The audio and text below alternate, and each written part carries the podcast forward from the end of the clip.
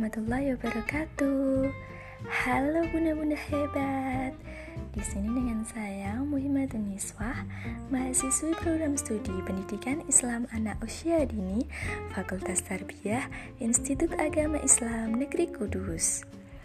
Di podcast kali ini, saya ingin sharing-sharing dengan bunda-bunda semua tentang edukasi seks untuk anak usia dini. Nah, bunda-bunda tahu nggak sih kalau ternyata edukasi atau pendidikan seks untuk anak usia dini itu penting banget loh. Melihat maraknya penjahat seks yang mencari korban anak-anak atau biasa disebut pedofil. Di sisi lain, memberikan pendidikan seks pada anak sejak usia dini juga dinilai efektif loh bunda-bunda untuk bekal atau pondasi anak-anak nanti di kemudian hari. Karena di usia dini 3 sampai 6 tahun adalah masa-masa golden age di mana menjadi masa yang tepat untuk kita menanamkan karakter pada anak.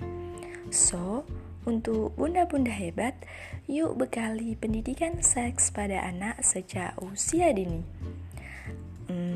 Ngomong-ngomong tentang pendidikan seks untuk anak, Pasti sebagian ada yang bertanya-tanya ya, kok anak kecil sudah diajarkan tentang seks? Apa dia paham? Dan pastinya banyak juga yang beranggapan jika pendidikan seks itu hanya untuk orang-orang dewasa. Nah, itu salah ya. Sebenarnya edukasi atau pendidikan seks itu tidak hanya tentang berhubungan badan ya bunda-bunda, kita bisa memberikan pendidikan seks dimulai dari yang sederhana yang bisa dimengerti oleh anak-anak. Nah, di sini saya akan berbagi tips tentang bagaimana sih memberikan bekal pendidikan seks pada anak usia dini. Tips yang pertama, beritahu anak bagian anggota badan mana saja yang tidak boleh disentuh oleh orang lain lawan jenis. Di antaranya ada bibir, dada, pantat, dan kemaluan. Beritahu pada anak hanya ayah atau bunda saja yang boleh menyentuhnya ya. Jika ada orang lain yang gemas dan ingin menyampaikan rasa sayangnya, hanya boleh menyentuh rambut dan pipi saja ya bunda. Tips yang kedua, biasakan anak untuk ganti baju di ruang tertutup agar anak mempunyai rasa malu jika suatu saat sedang di luar, misalnya saat mau berenang. Anak-anak akan malu jika harus ganti baju di tempat terbuka, dan pastinya akan minta untuk ganti baju di ruang ganti.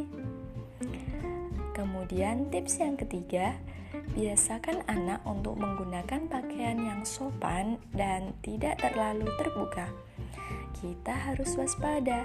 Takutnya di luaran ada pedofil-pedofil yang tertarik dengan anak kita.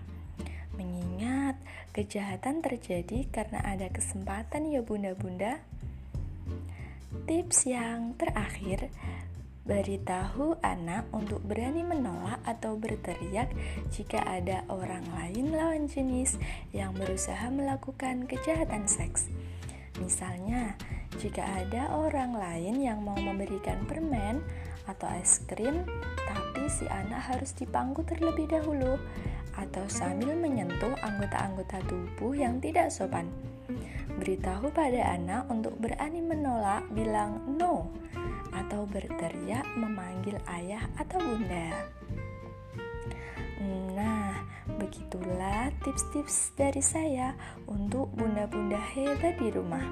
Semoga bisa bermanfaat dan semoga anak-anak kita nantinya bisa selalu menjaga dirinya sampai dewasa serta terhindar dari kejahatan seksual. Sekian dari saya, mohon maaf apabila ada salah kata. Terima kasih atas perhatiannya. Wassalamualaikum warahmatullahi wabarakatuh.